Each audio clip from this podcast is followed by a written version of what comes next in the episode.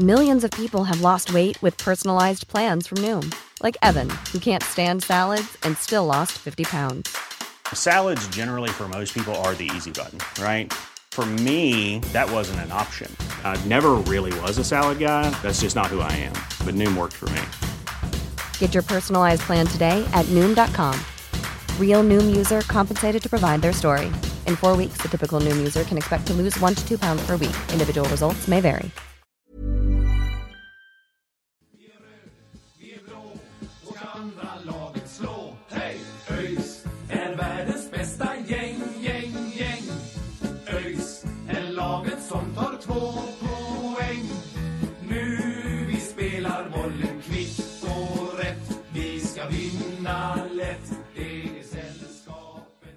Då säger vi god dag, god morgon eller god kväll oavsett var ni är från eh, Öysnack med Sören och Mackan. Det är jag som är Sören. Och det är jag som är Marcus. Och eh, idag så har vi den stora äran att få intervjua Kevin Ackerman. Det eh, ska bli väldigt roligt att få prata lite med honom och se vad han har att säga inför eh, säsongen och vad som, vad som komma skall och, och mer därtill. Det kan nog bli en intressant intervju. Men eh, vi tänkte väl börja lite med vad som har hänt på senaste och Eh, vi inleder väl med en eh, väldigt häftig värvning tänker jag. Marcus, eh, det känns bra nu.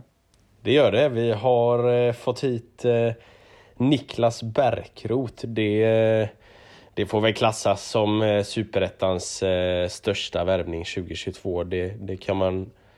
Det är svårt att säga något annat. Så det känns väldigt, väldigt bra att få välkomna Niklas till, till ÖIS. Ja men verkligen, alltså, det, det är ju en eh, spelare med, med väldigt stora meriter som vi har värvat och du, du är ju lite av Öysnacks egen eh, transferexpert och du sa ju det till, janu- till mig i januari att eh, Niklas Bärkroth, han är, han är fri nu. Vi kan eh, ta honom om vi vill. Varpå jag sa att, nej du Marcus, det finns nog 16 klubbar i Allsvenskan som skulle vilja ha honom. Men eh, det fanns också en klubb i Superettan som var intresserad och att han valde just ÖIS, det säger väl en del om, om läget just nu. Så att eh, det är ju en, eh, en riktig klassvärvning precis som du säger och, och jag håller med dig om att det är Superettans tyngsta så här långt. Så att eh, där, eh, där gjorde vi en fin skalp och eh, naturligtvis, det behöver väl inte ens gissa, så kommer ju han vara ett fantastiskt eh, komplement till, eh, till truppen och ja, håller han sig skadefri så lär han ju egentligen starta varenda match om han är i den form som han, som han brukar vara i. Men jag tänker att om vi tittar på värvningarna nu, alltså det är ju fantastiska spelare vi har värvat in. Vi har ju Bland många så har vi ju Alexander Ahl Holmström som var en riktig stjärna i Superettan förra året. Numera Niklas Bärkroth. Vi får hoppas att det blir lite finter av honom, så kallade Bärkeluringar i eh, den här säsongen. Sen har vi också fått in Sargon Abraham som ju är en jätte, jättebra värvning. Alltså, vi har ju rustat som bara den nu. Ja, alltså det, det känns som att vi har en trupp som eh, är bättre än på väldigt, väldigt länge och det känns som att skulle vi sätta oss här och tippa en startelva så skulle vi få problem för det känns som att det, det finns eh, 20-25 man i truppen och det finns 20-25 man som, som kan starta en match.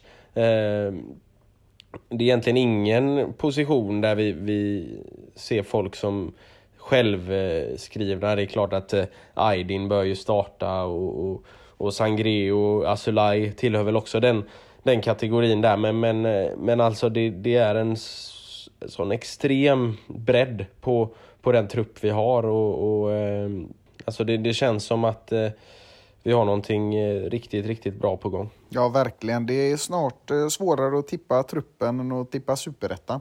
Och bara det är väldigt svårt. Och apropå tippa superettan så kan vi väl redan nu flagga för att innan säsongspremiären så kommer vi göra vad jag i alla fall tycker är ett av årets absolut roligaste avsnitt. Nämligen göra en total genomgång av superettan.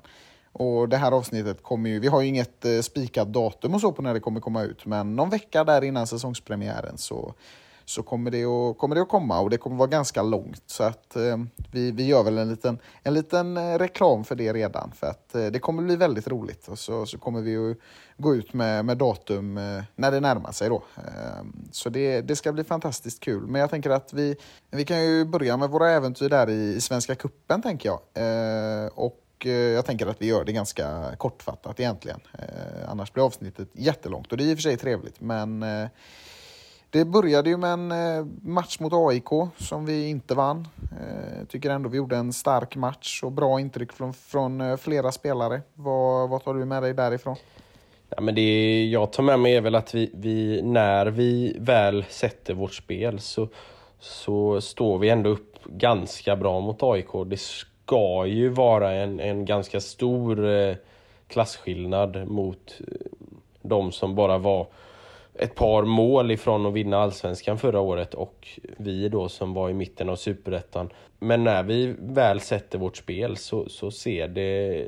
Då, då, då håller vi ändå ihop det bra mot, mot AIK. Sen, sen blir det ju naturligt att vi inte orkar hela vägen. Och, och vi, men, men eh, ja, framförallt eh, så, så tycker jag att Sixten imponerar. Eh, han stod för några fantastiska räddningar där. Eh, men eh, ja, det, det, det är en förlust som ska vara en förlust, men vi, vi gör eh, ändå en, en, en OK-match och vi, vi, vi, i perioder så, så står vi emot bra. Sen är det ju naturligt att vi får försvara väldigt mycket då, men ja, vi gör det helt okej. Okay. Ja, Sixten som du säger visar ju att han är en riktigt stark målvakt. Utan honom, om vi ska vara helt ärliga, så hade det ju förmodligen eh, resultatet sett annorlunda ut. Och eh, det känns ju väldigt betryggande att vi har en målvakt som, som eh, levererar så starkt i en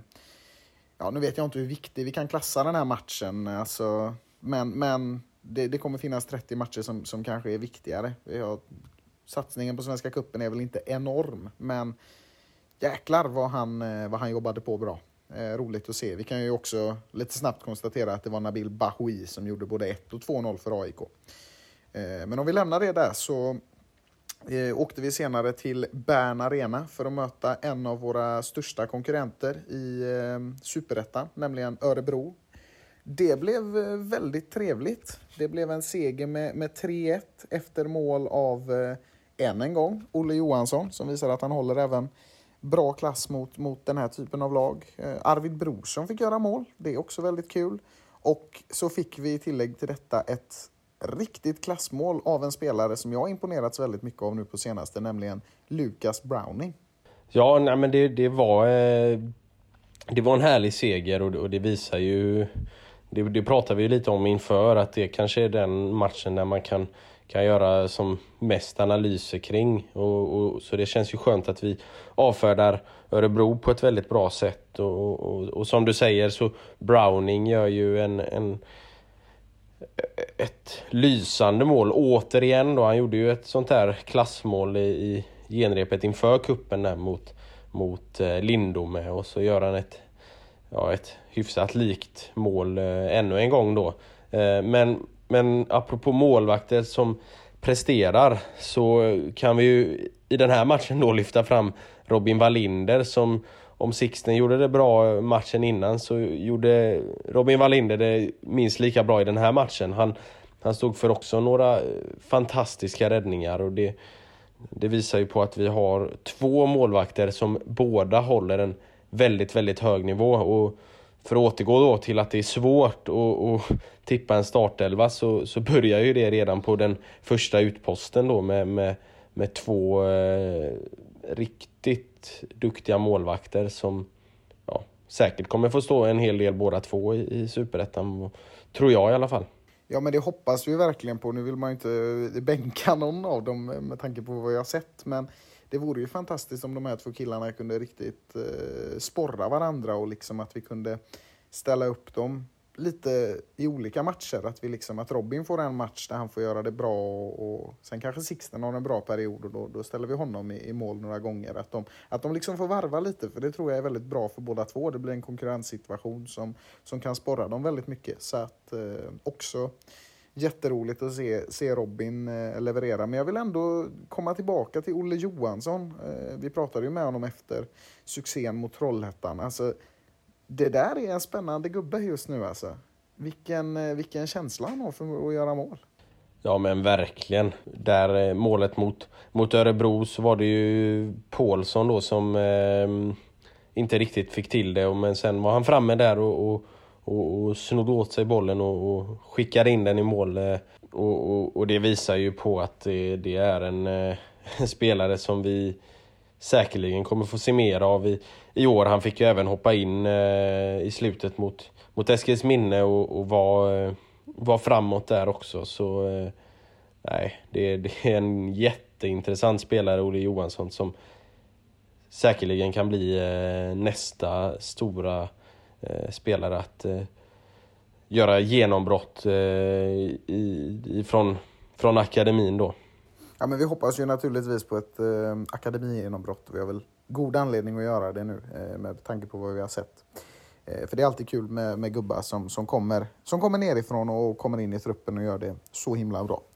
Eh, så mot Örebro gick det jättebra. Sen hade vi den enda hemmamatchen i, i kuppen då. Eh, man spelar ju bara man spelar ju inte hemma och borta och så som man gör i Champions League till exempel, utan det är tre matcher och så får man se lite vad det blir. Men vi mötte Eskilsminne, eh, kära Eskilsminne från eh, Harlyckans IP i Helsingborg. Eh, vi hade ju en liten, inte förhoppning, men vi skojade ju lite om att snart kommer de till Europa League genom att vinna Svenska Kuppen. Det gjorde de inte, men eh, de slog oss. Eh, inte så mycket att säga om den matchen. Nej, alltså det... Eh, jag tycker att ÖIS gör det egentligen ganska bra. Eh, förutom just offensivt. Vi har väldigt mycket boll, vi rullar boll och vi, eh, vi är väldigt stabila defensivt. Eh, bortsett från det här målet då. Ehm, men vi får inte alls till det framåt. Det, det, det, det, liksom, det, det klaffar inte överhuvudtaget rent offensivt. Så, så det är där som eh, skon klämmer lite granna just i, i den här matchen då. Eh, men eh, ja, det, det är ju svårt i de här matcherna när man mot Eskilsminne, liksom, man, vi ska bara gå ut och, och, och vinna med 3-4-0 eh, utan problem. Liksom. Det, och de kommer ut och är taggade till tårna. Så det, det blir... Jag kan tänka mig att det blir... Eh, det är lätt att bli lite för nonchalant och lite för liksom eh, stillastående. Inte riktigt vara med, var på tårna i, i en sån match och då, då åker man på det som, som vi ju gjorde här, tyvärr. Ja, nej, det var en eh, bitter förlust, men det var ju, ja, nu är Svenska cupen-äventyret avklarat för i år och eh, så är det med det, eh, känner jag lite. Det meningslöst att älta en, en seger i en eh, liga som vi ändå inte ska spela vidare i. Vi kom på tredje plats i gruppen, eh, före Örebro, bakom Eskilsminne och AIK som, som, som vann. Eh, så att vi får väl... Eh, jag vet inte riktigt om vi ska lycka önska... Nej, jag vet inte riktigt om vi ska önska AIK lycka till i fortsättningen, men eh, ja Ja, de möter väl Malmö här, så det är ett riktigt tungviktsmöte i, i åttondelen. Ja, precis. Men det vore lite kul att säga att, eh, eller om AIK vann, då kan vi ändå säga att vi fick egentligen bara stryk av vinnaren. Och Eskilsminne. Eh, men ja, det är en annan historia. Ehm, annars så har vi väl inte så mycket nyheter att prata om, eller har jag glömt något nu? Nej, jag tror inte det. Så eh, för att inte bli alltför långrandiga här så, så skickar vi in er eh, direkt till eh, intervjun med, med Kevin då. Så över till det. ÖIS är världens bästa gäng, gäng, gäng. Då hälsar Öjsnack välkomna till eh, ett nytt avsnitt och den här gången så har vi med oss ingen mindre än Kevin Ackerman. Hjärtligt välkommen! Tack så mycket, kul att få vara här. Kul att ha dig här. Är allt bra med dig? Jajamensan, det rullar på säsongen börjar, börjar närma sig. Så eh, det, det är riktigt bra faktiskt. Ja, men det är härligt att höra. Ni har väl något eh, träningsläge på gång nu ganska snart också, va? Ja, precis. Vi ska till Salou eh, nu den 15 ska vi. Ja, men gött. Två dagar i Barcelona, så det blir eh, mysigt. Ja, men det låter härligt det. Du, det har ju, har ju, det närmar ju sig mer och mer nu, säsongen. Det, det är inte så långt kvar och vi har ju kommit en ganska bra bit in i, i försäsongen. Och vad, vad tänker du kring den hittills? Har det, har det känts som du vill att det ska kännas? Eller som ni vill att det ska kännas? Eh, nej, men eh, vi har ju hunnit med några träningsmatcher och så har vi haft, eh, ja, vi är klara med gruppspelet i kuppen också precis här nu då. Eh, och eh, det var väl ingen superinsats i kuppen kanske, men eh, vi har väl inte valt att, och satsa så extremt mycket på den eh, så sätt, utan eh, vi har väl gått in för det, men sen eh, har vi roterat lite och sådär. Eh, och detsamma gäller väl träningsmatcherna. Men eh, överlag tycker jag det känns bra. Det känns som att vi har tagit ett steg gentemot eh, den här tiden förra året. Det har kommit in eh, bättre spelare. Eh, förstärkning på flera positioner och Eh, vårt spel är eh, en bra bit eh, bättre än vad, vad, det var innan. Liksom. Så det, det, är mycket som går åt rätt håll tycker jag. Ja men det är skönt att höra. Det, det, har ju varit några matcher som har sett väldigt bra ut och sen har det varit några som har varit lite, lite sämre och så. Det är ju ganska, ganska typisk försäsongs liksom sådär att det, det går lite upp och ner. Men, men vad känner ni att ni har lärt er från, från de här matcherna som ni har spelat så här långt? Eh, nej men alltså, vi har ju fått ganska ett blandat motstånd i kuppen eller ja, om man jämför med AIK och Eskilsminne då. Men eh, alltså AIK känner man väl att eh, det är ändå en bit upp, men att eh, i våra bästa dagar så är vi absolut med och, och kan konkurrera med ett sånt lag. Eh, nu var vi väl inte i våra bästa dagar mot AIK, men jag tycker ändå det fanns tendenser som visar på att eh, vi, vi har en hög nivå i vårt spel. Och sen eh, så får man väl en liten eh, ödmjukhet i form av Eskilsminne då kanske, att, man, att, eh, att det, kan, det kan se ut så. Det är inte alltid det bästa laget som behöver vinna matcherna. Liksom. Och då behöver man ju vara lite, lite mer resolut framför mål kanske och, och skapa lite mer ehm, i form av sånt motstånd. Mm. Ja men så, så är det ju och jag tänker för, för din del, hur har, hur har din försäsong känts? Har du, känner du att du är i bra, bra form? Ja, men jag känner ändå att det, det går åt rätt håll. Liksom. Jag har ju varit borta ett tag nu. Eh, vad är det? Sju månader från fotboll. Liksom. Så det tar ju lite tid och vi har väl valt att eh, få en lagom belastning liksom, i början så att kroppen hinner eh, anpassa sig efter belastningen och så vidare. Eh, men jag tycker ändå det känns eh, bättre. Jag har matchats in ändå lagom och fått lite halvlekar och lite minuter och lite längre perioder. Så det har känts bra, men eh, såklart det finns mer att ge. Och det tror jag ändå en månad till och jag tror att det är mycket mer som, som sitter. Liksom det här lilla, lilla sista. Ja men det är skönt att höra. Det kan ju, kan ju alltid ta ett tag när man har kommit tillbaka från, från en skadeperiod och sådär. Så att det, det är skönt att det känns som att det pekar uppåt. Jag tänker att om du, om du skulle beskriva dig själv som spelare, vad skulle du eh, säga? Det är alltid svårt eh, att beskriva sig själv, men eh, alltså jag är väl en spelare som eh, i grund och botten alltid ger hundra. Det är väl eh, något som eh, har utmärkt mig sedan jag var liten. Eh, att jag ger allt på plan. Och, och, sen så har jag en funktionell teknik också. Och, vill spela framåt, gillar att driva boll och så är väl Eh, väldigt stark i närkampsspelet också då. Det är väl eh, där jag också har eh, gått ut sen, sen yngre dagar också. Liksom. vinner mycket boll och så vidare. Mm. Låter som en perfekt, en perfekt innermittfältare i, i, min, i min värld. Men du Kevin, som, som person då, vad, vad brukar du hålla på med när du inte spelar fotboll? Eh, nej men eh, jag, jag är en eh, familjemänniska, det gör jag väl. Jag umgås en del med familjen och flickvän och nära vänner som jag spenderar ganska mycket tid med. Sen har jag, jag gick eh, klart gymnasiet för eh, ett år sedan och så med tanke på som allt som hände för mig under den perioden så hade jag lite kurser kvar och så, så det är väl det lite jag har på med nu. Pluggat lite extra vid sidan om, i synnerhet nu när jag varit skadad. Eh, så det är det man gör. Sen tiden går fort. Det känns som eh, dagarna bara försvinner. Ja, men så är det faktiskt lite. Vad, vad läste du för något på gymnasiet då? Nej, jag, läste, jag började läsa ekonomi på Katrinelunds gymnasiet, men eh, det, var, det var mycket träning och sånt, så det blev eh, samhäll till slut. Och eh, ja, så hade jag, jag hann inte slutföra den kursen jag hade på, på ämnen kvar, så det är det jag håller på med och, och fixa nu. Ja, ja, ja.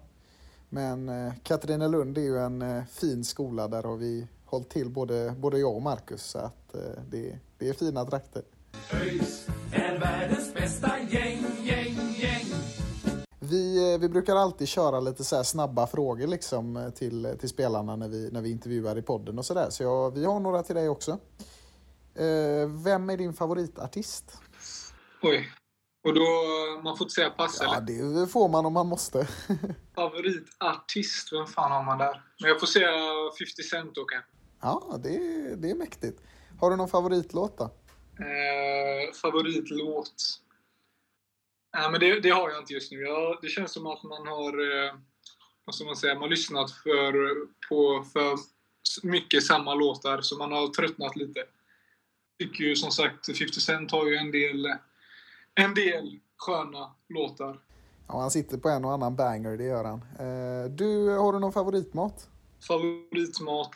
Eh, mm, en oxfilé med en eh, potatisgratäng. Kanske i form av plankstek. Det går eh, alltid. Nej, det, det går alltid hem, så är det. Eh, men har du något så här, vad är ditt största intresse efter fotboll liksom? Har du, har du något annat du gillar att pyssla med?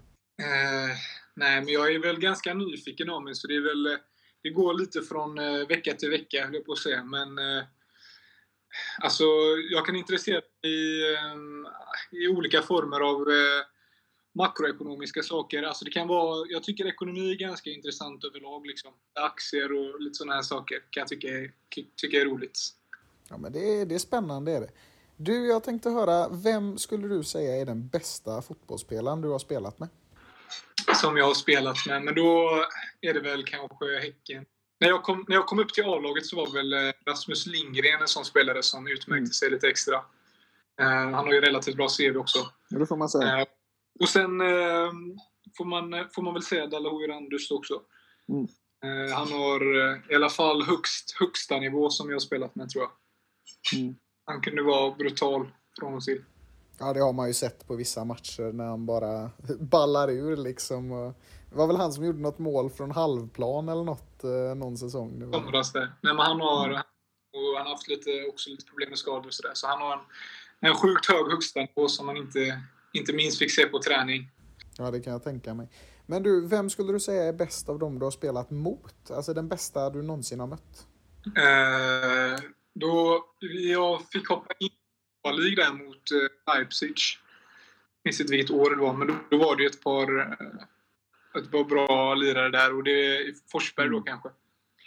Eh, spelade där. Så eh, han är absolut där uppe. Ja, han är, han är helt okej får man säga. Så är det. ÖIS är världens bästa gäng, gäng, gäng.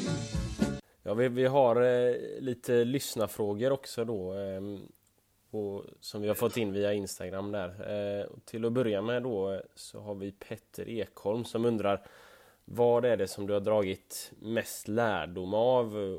Han menar då utifrån från skador och sådär, det som du har gått igenom liksom. Vad, vad har du lärt dig av det? Alltså, det första jag tänker på är väl att eh, inte ta något för givet kanske. Eh, och det gör man ju ofta. Och det behöver inte vara inom fotbollen, utan det, det kan vara mycket i livet. Liksom. Och när man väl tas det ifrån en så eh, förstår man hur mycket man, eh, man tycker, tycker om någonting. Eh, och det har jag fått genomgå eh, en del gånger, ett par gånger i, i fotbollen. Men eh, alltså, främst när jag allt, allt eh, som hände med hjärtat där så fick jag väl eh, fick jag väl känna på det. Så när man väl gör saker, för mig då spela fotboll, så blir det nu efter allt som har hänt. Eh, man njuter väl lite mer, lite extra. Och ja, man, är, man är tacksam liksom, varje gång man är, man är hel och kry och, och får spela fotboll. Fotboll är ju kul liksom, man får inte glömma det. Och det var därför man började spela. Och, eh, ja, man, man, man njuter nog lite mer helt enkelt, tror jag. Ja men precis. precis. Eh, och sen har vi då eh, Axel Daner som eh, undrar vem som du ser som din främsta konkurrent på det centrala mittfältet i år. Eh, alltså det är liksom, det är fyra innermittfältare och Wille har väl spelat eh, eh, lite eh, innerforward också. Och eh,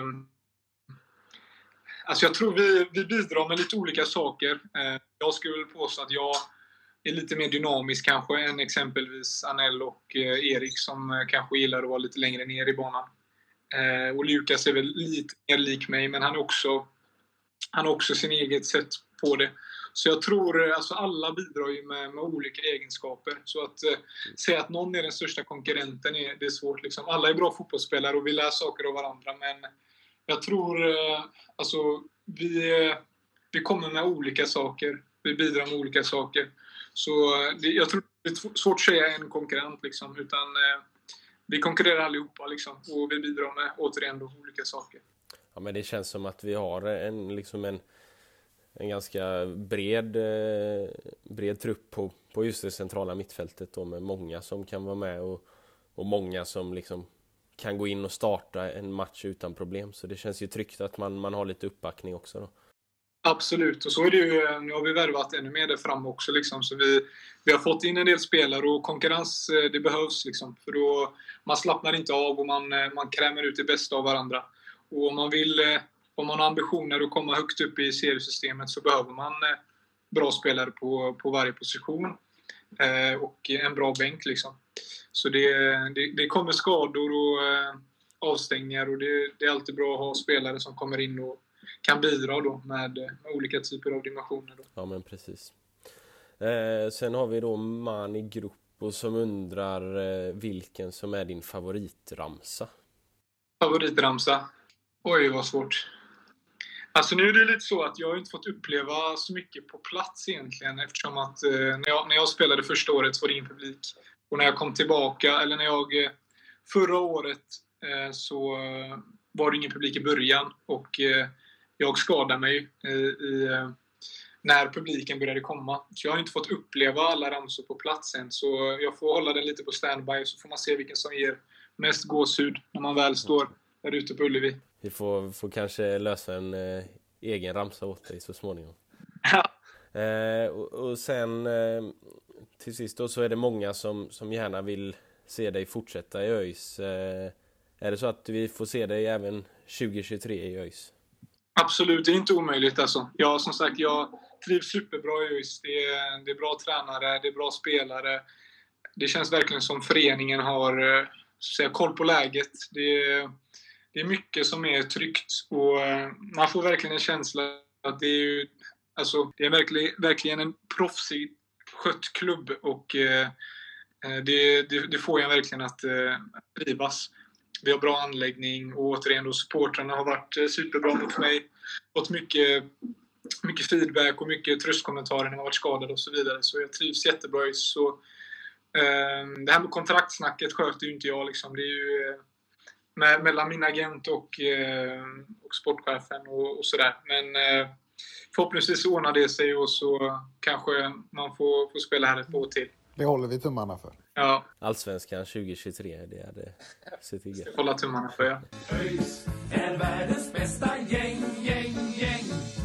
Okej, okay, men, men om vi går in lite grann då på, på eh, din karriär. Eh, du är född och uppvuxen i Göteborg och började spela i Azalea om, om jag har förstått det rätt som ung. Det stämmer. Ja. Eh, hur, hur länge var du i, i Azalea? Eh, jag började spela i Azalea när jag var 5-6 år med en annan öisare som heter Herman. Eh, så vi, han började väl året innan mig för han spelade med sin storebrorsa som är 99. Eh, så jag var väl i Azalea, vad kan jag ha varit där? Tre år, två år. Eh, tills jag var 8-9. Och då gick jag över till IFK Göteborg. Eh, vilket också Herman kom efter ett tag. Eh, och då var jag där i tre, fyra år kanske. Eller det måste ha varit ännu längre. Fram tills jag var 12-13 tror jag. Eh, och sen gick jag till eh, Angered FC. Eh, var där i två, tre år. Eh, gick upp till eh, A-lagsfotbollen och spelade i division 3. Eh, I ett år. Gick till BK Häcken. Flyttades upp till A-laget, vann direkt. Och så var jag väl där i tre år och sen gick jag till ÖIS. Så jag, jag har varit runt en del kan man säga. Ja, ja men precis. Eh, ja, Herm, du och Herman har, har följt åt en del också. Han var väl med i, i Angered där ett tag också va? Ja, precis. Så, eh, vi har ju spelat i, vi har exakt samma CV. Han har spelat i Azalea, Angered, Blåvitt, Häcken och ÖIS. Så vi, eh, vi, jobbar, vi jobbar samma, Johan. Men då går du inte vidare till Sirius Nej. bara? Nej. Det var svårt då. Det är bra det. ja, okej. Okay. Eh, men eh, och jag, jag spelade faktiskt också i Azalea när, när jag var ung med 99 då. Ja, då kanske du var med Hermans brorsa där? Jag vet inte, vi, det var ju uppdelat sådär i två eh, Azalea Majorna och Linné eller vad det var. Så jag spelade okay. med Majorna där. Så Okej.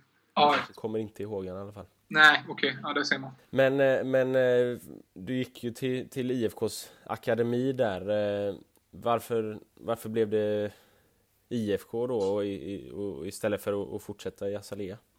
Nej, men det är väl som, som många unga som känner att ah, de kanske vill ha en lite större utmaning och där och då så var det väl ett självklart val att man gick till Blåvitt. Liksom. Det, eh, tanke på deras eh, historia och sådär så hade Blåvitt en typ av hype som de kanske inte har på samma sätt idag. Eh, men eh, då var det väl ett självklart val att gå till, gå till Blåvitt helt enkelt. Och, ja, testa där, få, få spela med ännu bättre fotbollsspelare helt enkelt. Var det liksom, vad, vad, var skillnaderna då i liksom vi har pratat tidigare med, med flera stycken som har gått från lite mindre lag till, till akademilagen. Hur var liksom skillnaden i, i, i klimatet mellan Azalea och, och IFK då? Även om man är små, eh, det är mycket skoj då, så blir det väl lite mer seriöst när man kommer till en elitförening gentemot Azalea BK. Eh, när, man, när man spelar Azalea så är det väl lite mer roligt man är där för polarnas skull medan när man går till, till Blåvitt då, eh, trots eh, ringa ålder så var det väl lite mer men jag vill fan bli fotbollsspelare liksom. Jag, det, det är det här jag vill. Och då, och då, då faller ju valet på, på att gå till en större elitförening kanske. Eh, och till din fråga där då, vad skillnaden är, är väl att ja, men det blir väl lite mer seriöst och man har väl lite bättre faciliteter och, och sådär. Eh, det är väl det som, som utmärker sig mest kanske. Mm. Kanske blir lite mer eh, liksom resultatinriktat istället för bara på skoj då. Ja, både och. När man är liten och eh, i synnerhet på vår tid så var det väl eh, fortfarande ganska mycket kul och det var inte... Vi, vi toppade ju inte alls nästan utan det var... Eh, många skulle spela lika mycket och så vidare. Men ja, det är det väl på många håll. Mer resultatinriktat. Ja, du var ju där i IFK ett tag och sen, sen så hamnade du i Angereds MBIK tror jag det heter. Eh, och som jag minns det så var det väl väldigt många duktiga, bland annat Herman 01 som, som, som spelade där. Det var liksom en bra generation. Eh, Verkligen. Vi hade ju eh, Kevin Jakob som spelade i IFK Göteborg idag. Eh, var där. Sen hade vi Ayam Osso som är i Slavia Prag och var, var i Gais förra säsongen. Mm. Eh, sen eh, var det ytterligare spelare som höll eh, väldigt hög nivå i, i vår ålder eh, under den perioden också som kanske har haft lite otur med skador och så vidare. Eh, men absolut, det var ett väldigt starkt lag. ja, verkligen. Var det liksom viljan att spela med de grabbarna liksom som drog dig, drog dig dit? Ja, precis. Det var liksom... Det var, även om jag gick från en elitförening liksom till en... eh, Vad ska man säga? Angered är ju inte närheten av IFK när det kommer till storhet. Så var väl Angered på något sätt... Det, blev mer seriöst eh, och de valde att toppa och de valde att satsa och utbildningen där som jag fick under de åren var... eh, Alltså den var toppnivå. Jag tror inte jag hade kunnat få bättre utbildning någonstans i Sverige egentligen faktiskt. Det var väl, ja, BP har väl ryktat sig vara ha grym utbildning men eh, de åren där var sjukt bildande och sen ett bra miljöombyte också. Man fick eh, umgås med människor från, från olika delar av stan. En inlevelse hur det är där också. Det är ju det är en förening som inte har samma ekonomiska förutsättningar. Nej. Eh, man lärde sig eh, av det också. Ja, nej men precis det var det jag tänkte på också. Hur kom det sig liksom att alla ni hamnade just i, i den lite mindre klubben? Eh, var det att de gjorde en jättesatsning eller hur var det? Alltså för egen del så eh, var det väl att eh, det var väl under Gothia Cup när jag var 12 där så fick jag höras av, eh, av eller höras om Angered då och deras satsning. Och så var det en, en person då som var lite inblandad i Manchester City, när jag skulle till Manchester City, som sa men kom och testa liksom. Och vecka, känns det bra så fortsätter du. Om det inte känns bra så skiter du i det och kör med Blåvitt liksom. Så körde jag en vecka och eh, ja, frälst blev jag väl typ. Ja, ja. Så det kändes helt grymt. Det var, det var skitbra liksom. Det var en annan, annan nivå på, på träningarna än vad jag var van vid. Så det, det, det blev ett relativt enkelt val faktiskt. Ja, Jag tänker också på det nu, nu kanske vi spolar tillbaka bandet lite här, men, men du hade ju en Alltså första gången många tror jag hörde talas om dig, det var ju när det kom någon stor artikel i GP om när du var på väg till Manchester City. Vad var det för typ av äventyr och hur gammal var du då? Nej, men jag var, var, var, var, tror jag var 12 då när första gången jag provtränade med Manchester City. Då var det ju jag, Herman och eh, Benjamin Nygren som var, var över. Eh, och var där en vecka. Så det var ju skithäftig upplevelse liksom. Det var... Mm. De går... Ja, det var ju i och för sig Blåvitt, men ändå. Det är, det är en sjuk, extrem distinktion mellan, mellan klubbarna. Så det, det är ju mm. världsklass. Eh, så det var en eh, väldigt eh, rolig upplevelse. Och det gick det gick bra för mig där, så jag fick, jag fick fortsätta och jag åkte väl dit tre, fyra gånger till efter det. Ja. Så det, var, det var väldigt roligt och väldigt lärande. Mm. Ja, men häftig, häftig upplevelse också i den åldern kan jag tänka mig. Alltså, det blev en väldigt, alltså, det är ju en stor grej för allihopa liksom. Men jag var väldigt blyg och sådär när jag var liten, så det var, ja, det var ju, det var ju en, en, en stor utmaning liksom. Och, mm. och komma till ett annat land och träna med helt, helt nya människor, nya ansikten och, och det var mycket nya intryck och sådär. Men det var, det var grymt faktiskt. Det mm. fick jag inte under stolen med. Nej, nej, det är häftigt. Men jag tänker sen från, du, du var ju Angered och som du nämnde så spelade du division 3 och sådär och det var ju din, din första liksom, eh, din, ditt första intryck av seniorfotbollen. Var det liksom svårt att komma, du var ju ganska ung då också, och liksom hoppa upp och möta allihop? absolut. Jag menar, det var större grabbar och eh, även om jag var rätt stor när jag var liten så eh, det här var ju liksom gubbar som var färdigväxta och mm. det, blev en helt, det blev en annan typ av, av, eh, av, fotboll eftersom att man inte kunde förlita sig på sin fysik på samma sätt som man kanske har gjort eh, år innan. Så eh, där fick man väl ta ännu nya, nya kniv och, eller nya kliv eh, och eh, man fick eh, utvecklas i form av att flytta boll och kanske inte hamna i lika mycket närkamper och vara på, på rätt plats vid rätt tidpunkt kanske mer, mer, mer ofta. Ja, det, det kan jag också tänka mig att vara något som, som gav dig lite fler dimensioner. Liksom. Är det något som du, du har dratt lärdom av av din fotboll idag, även nu när du när du är en stor kille eller vad man ska säga. Ja, men precis. Nej, men det, det gjorde man ju absolut sådär. Eh, och alla spelare som kliver upp från, eh, från juniorlag till A-lagsfotboll får ju, får ju gå samma resa liksom. Mm. Eh, sen kan man ju som sagt, nu är det många som till slut växer på sig och blir, blir starka ändå liksom. Men man, man, man, man lär sig inte att killar som ja, men, typ Iniesta och sådär oftast är så extremt skickliga på att flytta boll och så vidare eftersom att de alltid har varit små. Mm. Och de alltid eh, anpassar sig ut efter sina förutsättningar. Mm. Ja men precis så är det. Men då lirade du där i Angered i, i ett år med, med seniorlaget om jag har uh, hittat det rätt. Och, ja. någonstans vid den här tiden så var du också ganska duktig i brottning om jag har förstått saken rätt. Jag, eh, ja, jag har ju brottats eh, eh, parallellt med fotbollen eh, sen jag var 6-7 år där. Eh, mm. Eh, och jag har alltid varit väldigt duktig i brottning också faktiskt. Så eh, jag, jag vann ett par mästerskap där. Jag vann SM och Nordiska mästerskapet och sånt. Och, ja, jag hade väl lite form av lekstuga när jag var 11-12 eh, i, i, i brottningen. Men men valet eh, föll på, på fotbollen till slut ändå. Och så var det. Blir det lite brottningsmatch som de kaxar mot dig i Superettan i år eller? Ja, det blir det. Kom ut. ja, precis. Ja, men det är bra att skillsen får komma fram i alla fall. Men du hamnade ju i, i Häcken sen eh, efter Angered där. Och eh, det var ju liksom, du kom ju upp i A-laget snabbt som du sa och du, du fick ju också ganska mycket uppmärksamhet ändå under den här tiden. Du var ju väldigt, väldigt ung när du debuterade i, i Allsvenskan och sådär. Eh, hur, var, hur upplevde du den eh, tiden? Eh, jo, men det var en eh, fantastisk period. Alltså, det är liksom, allt flöt ju på... Jag var uppe i himlen liksom. Eh, mm. rullade på och eh, livet var, var väl top, top notch. Eh, det var inte mycket att klaga på. Som sagt, jag kom till Häcken och så var jag väl där ett halvår, ett år innan jag fick eh, kreditet på A-lagskontrakt. Så det är grymt.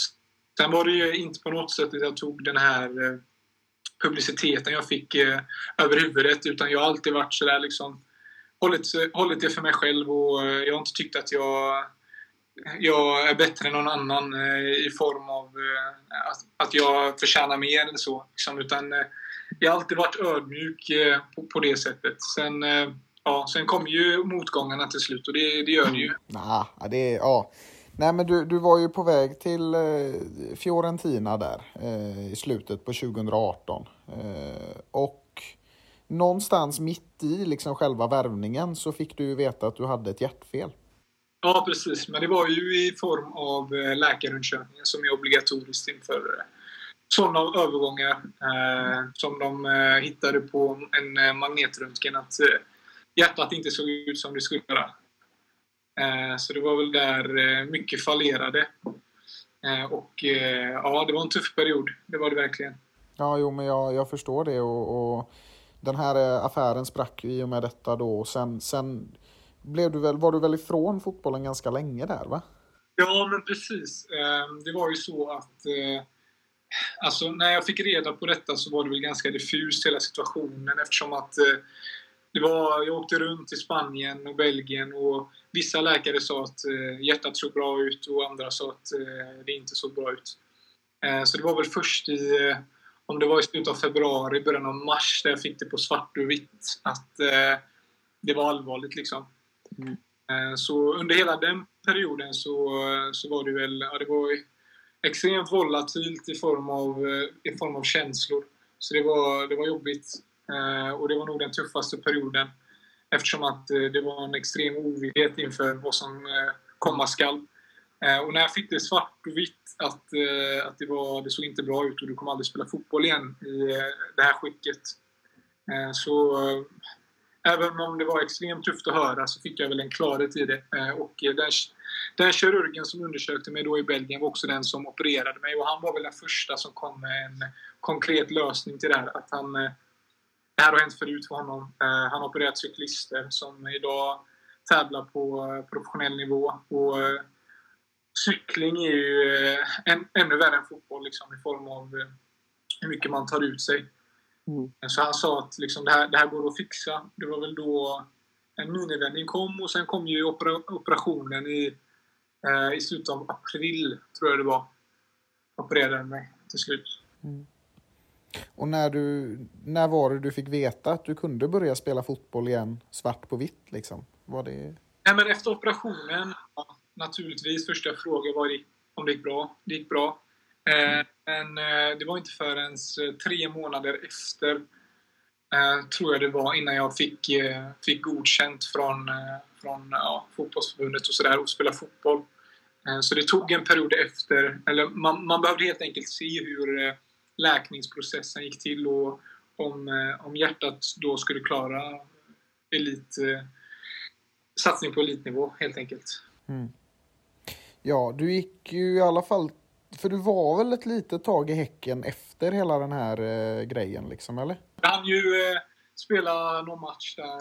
Eh, så det blev väl, eh, vad kan jag ha varit, två, två månader i träning ungefär. Kanske lite.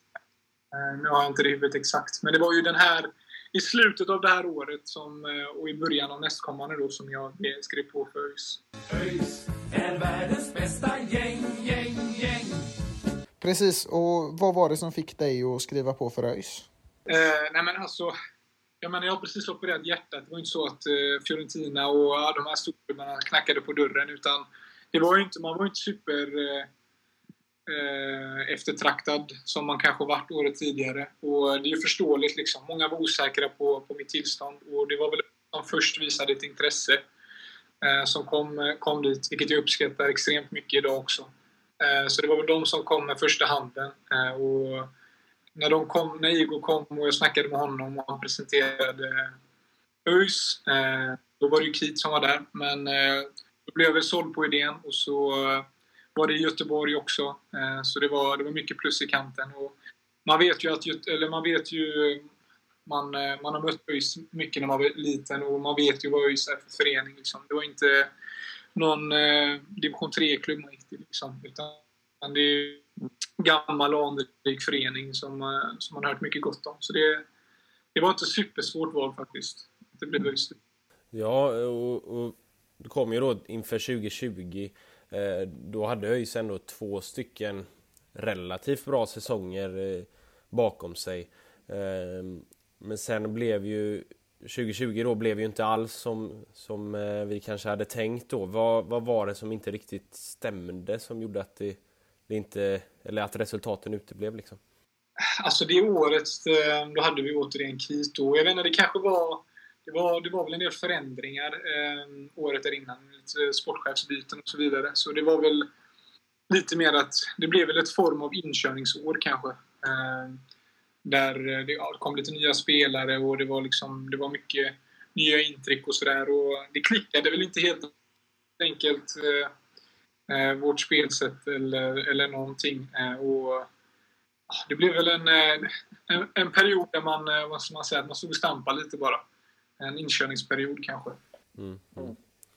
Var, eh, men för egen del, du, du fick ju ändå komma tillbaka till fotbollen då och, starta ganska många matcher, gjorde en del poäng och sådär. Hur skönt var det med tanke på bakgrunden som du hade? Nej, men det var, det var fantastiskt faktiskt. Det var, alltså, året innan så trodde jag att jag aldrig skulle spela fotboll igen. Eh, och jag minns eh, debutmatchen i Superettan mot Ljungskile borta. Eh, då jag fick göra mål också. Var, det var väldigt emotionellt för mig. Det var det. Eh, på morgonen där så, eh, ja, man var ju lite, man var eufori efter matchen och man, eh, ja, man trodde väl inte riktigt på det. En, en sån enorm tacksamhet att få, få spela fotboll igen. Så det var, det var väldigt speciellt för mig och det är en dag jag inte kommer, kommer glömma. Och sen säsongen överlag kände jag väl att Eh, efter ett par matcher och när man fick kontinuiteten så, så tycker jag att jag växte in i det och det blev bara bättre. Eh, Eh, och sen kom ju den här stressfrakturen tyvärr i slutet. Men eh, överlag så var det en, eh, en eh, väldigt rolig säsong individuellt att få spela matcher och på elitnivå på det sättet. Mm. Ja men precis. För du, du gjorde det ju bra där och var ju högst delaktig liksom. Men hur var det då att spela inför tomma läktare som det blev eh, på grund av coronan där och att säsongen flyttades fram och sådär. Hur, hur var liksom känslan kring, kring alla de grejerna runt om som gjorde att det blev lite mer osäkert och sådär? Alltså ett speciellt år. Eh, ett år som vi förhoppningsvis aldrig behöver uppleva igen. Det var, det var väldigt speciellt men eh, sen så har väl jag aldrig fått spela med eh, inför så mycket fans heller, så för mig blev det väl ingen så stor från att komma från majoritet av u matcher och så vidare. Eh, så det blev väl ingenting eh, som jag egentligen la märke till, men det var klart tråkigt i och med att man vet att, eh, att det är ett bra tryck på Ullevi. Liksom. Så man fick väl bara acceptera situationen och längta tills hela skiten över. Liksom. Ja, och, och den, det var ju över egentligen då i slutet av förra säsongen där, men då var det ju som sagt eh, skadad. Var det samma typ av stressfraktur som, som du drabbades av igen då, eller hur var ja. det? Jag drabbades ju av stressfrakturen där i slutet av eh, säsongen 2020 och eh, jag drog ju upp exakt samma ben i foten som är femte metatarsalbenet. Eh, så det blev exakt samma fraktur. Så den här gången valde jag åtgärder i form av en operation. Så det känns mycket, mycket bättre nu, mycket stabilare. Ja, för du, det var ju lite, du var med lite granna i början av säsongen och sen var du borta och så med någon match igen och sen kom det någon nyhet att du hade trampat på någon fisk eller vad det var. Så var det liksom lite osäkert vad det var sådär från början eller var det liksom ganska säkert att det var samma skada? Nej, alltså i början av säsongen så var ju foten bra. Eh, då var det andra saker som, eh, som skakade tillvaron på och så vidare. Men eh, nej, när jag, jag var ju på semester i Palma med min flickvän och det var väl andra dagen så skulle jag löpa ut vid stranden liksom och dyka. Och så, så här, satte jag ner foten liksom. Jag bara vanlig jogga, jag joggade bara vanligt och så fick jag ont som, som in i helvete liksom och bara vad fan händer? Och så tänker jag i mitt huvud tänker jag ja men det är ja, brutit ett ben eh, och så får, ringer man ju eh, läkare som kommer till hotellet och hon var helt övertygad om att jag hade blivit biten av en fjärsing eh, som är relativt vanligt eh, i sådana europeiska länder. Eh, så eh, ja, jag åkte till sjukhus och så vidare och de var också övertygade om att det var en fjärsing. Så jag behandlades med tre olika antibiotikakurer eh, på tre veckor typ. Och det blev ju inte bättre. Så till slut så sa morsan nej, nu får du sluta knapra Alvedon. Och då slutade jag knapra Alvedon och då var smärtan lika, lika illa som den var första veckan. Och då valde vi att röntga och så ligger jag där på röntgenbordet och så kommer läkaren till mig och bara men du, du vet att du har en fraktur i benet va? Och så, ja, så blev det mörkt igen. Men, men var det en fjärsing som hade orsakat det eller? Nej, det, nej, det kan det inte varit. Nej. det, förmodligen var det väl att eh, den här stressfrakturen eh, den hade läkt, men den kanske hade, ja, det hade börjat bli dåligt igen. Och Mm. har väl den gått sönder i form av trampat fel, trampat på någon sten, jag vet Mm. inte. Eh, Så ja, det var otur, men eh, det hade väl uppenbarligen hänt i någon typ av eh, kollision ändå till slut. Ja. Mm, mm. Mm. Men, men sen då, ja du, du valde ju att operera då denna gången.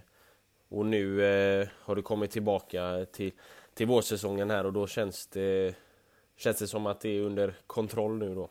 Ja, nej, men det känns skitbra. Eh, jag har gjort min rehab och jag är inte stressad den här gången. Jag har tagit, tagit min tid. Eh, som sagt, det var ju extremt länge sedan jag opererade mig nu så jag har haft tid att läka och god tid att bygga upp kroppen igen. Så det, det känns bra. Det låter, det låter ju förtroendeingivande. Jag tänker ju att alltså, vi har ju hållit på med den här podden egentligen sen, sen du eh, kom till ÖIS och sådär. Eh, och vi har ju liksom snackat hela tiden om att i och med årets värvningar och att truppen förra året har behållits liksom så, så ser det extremt bra ut. Och jag tänker att du, du har ju varit med alla de här tre säsongerna då som vi har kört liksom och, och analyserat allting och sådär.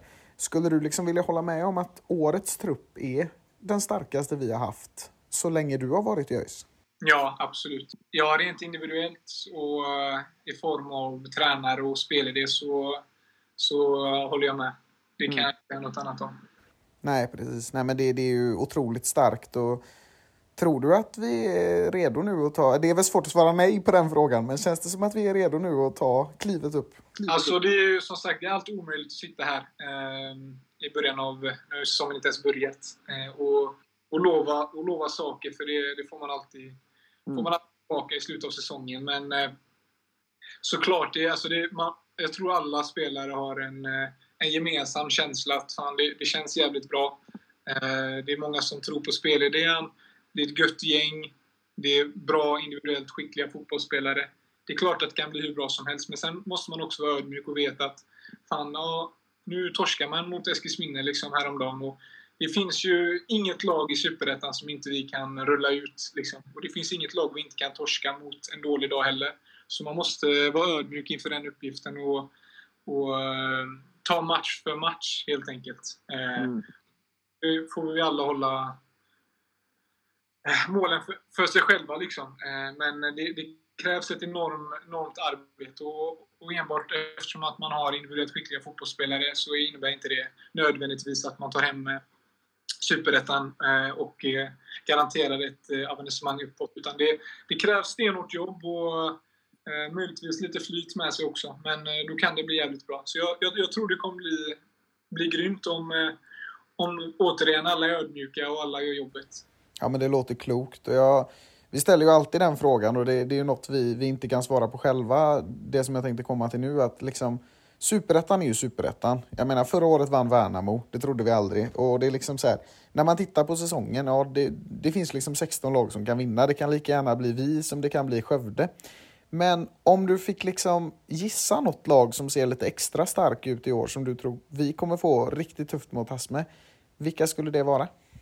Men det är ju alltså det är liksom svårt att inte säga Halmstad på den frågan. De kommer ju, kom ju från Allsvenskan och eh, jag tror inte de har tappat så många spelare från, från föregående år. Eh, så det, det är väl ett lag som, eh, som absolut kommer vara, vara där uppe. Eh, sen, eh, så det är väl inget lag eh, som jag egentligen eh, känner mig oroad över. Eh, mötte vi Örebro här också. Mm. Häromveckan visar ju att vi absolut kan eh, ja, vara bättre än dem. Mm. Eh, så, men, men de lär ju också vara, vara, med, vara med där uppe om jag skulle få, få gissa. Men återigen då, du, du sa det själv, Värnamo gick upp förra året. Det, det kan gå hur som helst och det är väl det som är charmigt med Superettan. Att, eh, att ett, ett bottenlag mot ett eh, topplag. Och det är inte så många som höjer på ögonbrynet ens. Så det är en underhållande serie får vi ändå konstatera. Ja, precis. Alltså, personligen så tittar jag ju på väldigt, väldigt mycket fotboll. Och det är ju liksom, det är ju verkligen ingen serie skulle jag nästan säga som, som, som är som superettan. Liksom. Alltså, att tippa inför superettan, det är liksom lite som att, som att be om att ha fel ungefär. Och jag tänker liksom, hur är det som spelare att vara i en liga där det liksom är så ovisst? Är det lite så här, det är som du säger kanske, att är det väldigt viktigt att vara ödmjuk inför alla matcher? Det ska man ju vara i alla ligor, men... Nej, men det tror jag. Alltså, nej, men det är som du säger, kollar man på, jag kollar på allsvenskan till och med, och eh, man kan ju förstå att Malmö kommer vinna mot Varberg 9 av 10 gånger.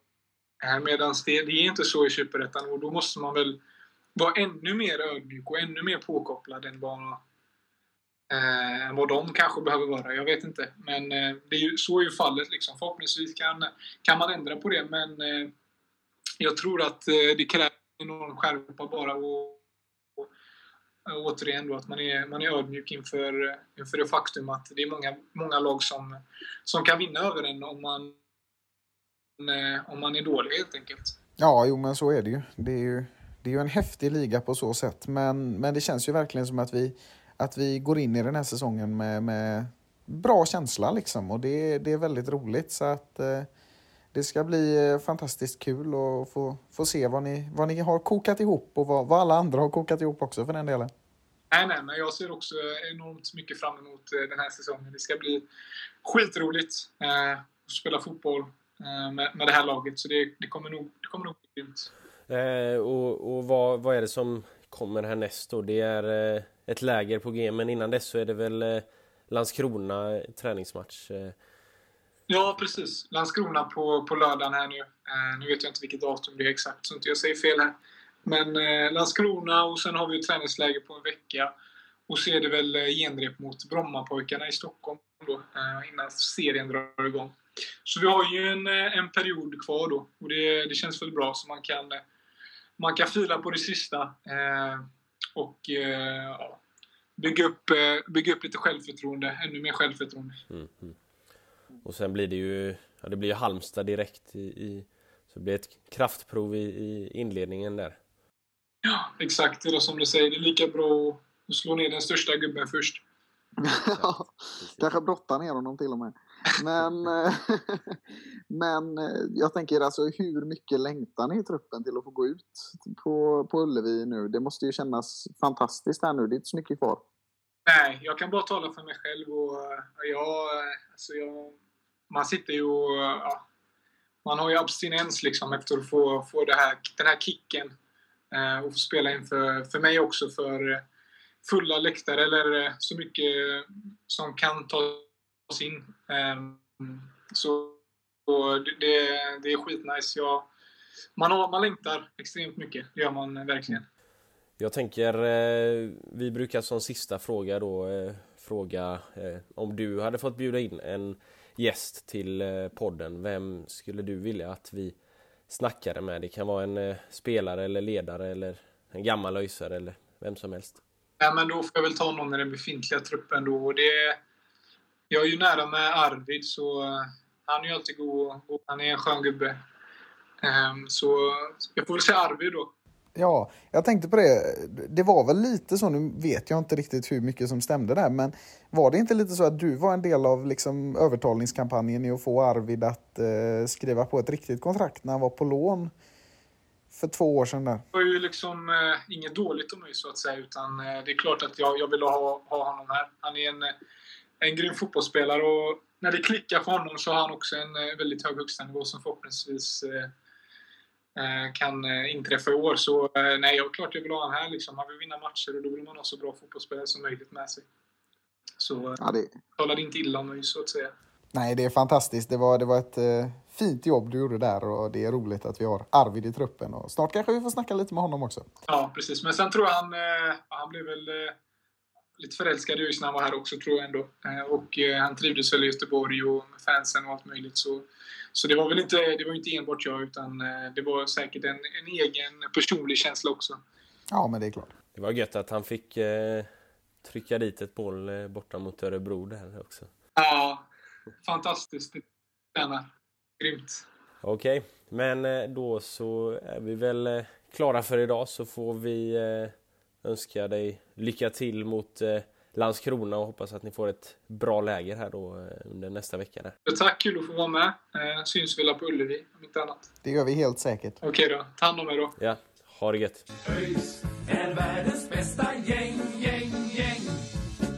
Ja, men då har vi snackat lite med Kevin Mackan. Eh, riktigt god gubbe det där och spännande analyser som han gör och, framförallt väldigt spännande att prata om hans eh, karriär som har eh, haft sina toppar och sina dalar och det var, det var spännande att prata med honom och han ger också ett väldigt eh, ödmjukt intryck tycker jag. Eh, något som jag tror behövs i Superettan. Vi var ju lite inne på det. Ja men verkligen. Det var, det var kul att, att få lära känna Kevin lite granna och, och eh, vi hoppas ju verkligen att det, de här motgångarna som han har haft vänder nu och att han får, får visa vilken fantastisk fotbollsspelare han är under året och, och, och hjälpa ÖIS till ett eh, riktigt, riktigt bra år. Ja, han är fin, nummer 10, Kevin. Vi kan ju säga det för er som gillar nummer också att Niklas Bärkroth kommer att ha nummer 23 i ÖIS. Eh, det kan ju alltid vara värt att notera så här innan vi, innan vi avrundar och det har ju skett lite andra eh, byten och dylikt i, i, när det kommer till tröjnummer som jag ska kolla upp nu. Ja, det är Brorsson som har bytt till nummer två där. Eh, från 23an då. Så att eh, nu vet vi det. Eh, men eh, för att avrunda det här så, så, så, avrundar vi väl med att säga det vi alltid säger. Eh, det ser hoppfullt ut och det tror jag att vi kan eh, stå fast vid mer än någonsin just nu. Eh, så att eh, vi eh, får väl önska er en trevlig vecka och så är Öjsnack tillbaka inom kort. Vi kommer väl att göra något mer avsnitt tror jag innan vi eh, går in på den stora tippningen och sådär. Så kanske det kommer någon intervju och sådär. Det, det vet man aldrig. Men eh, vi, eh, vi har förhoppning med oss mot en liga som snart börjar. Och så säger vi väl tack för oss och ha det fint. Ja, det gör vi. Ha det gött. Hej! Är andra laget slå. Hej! ÖIS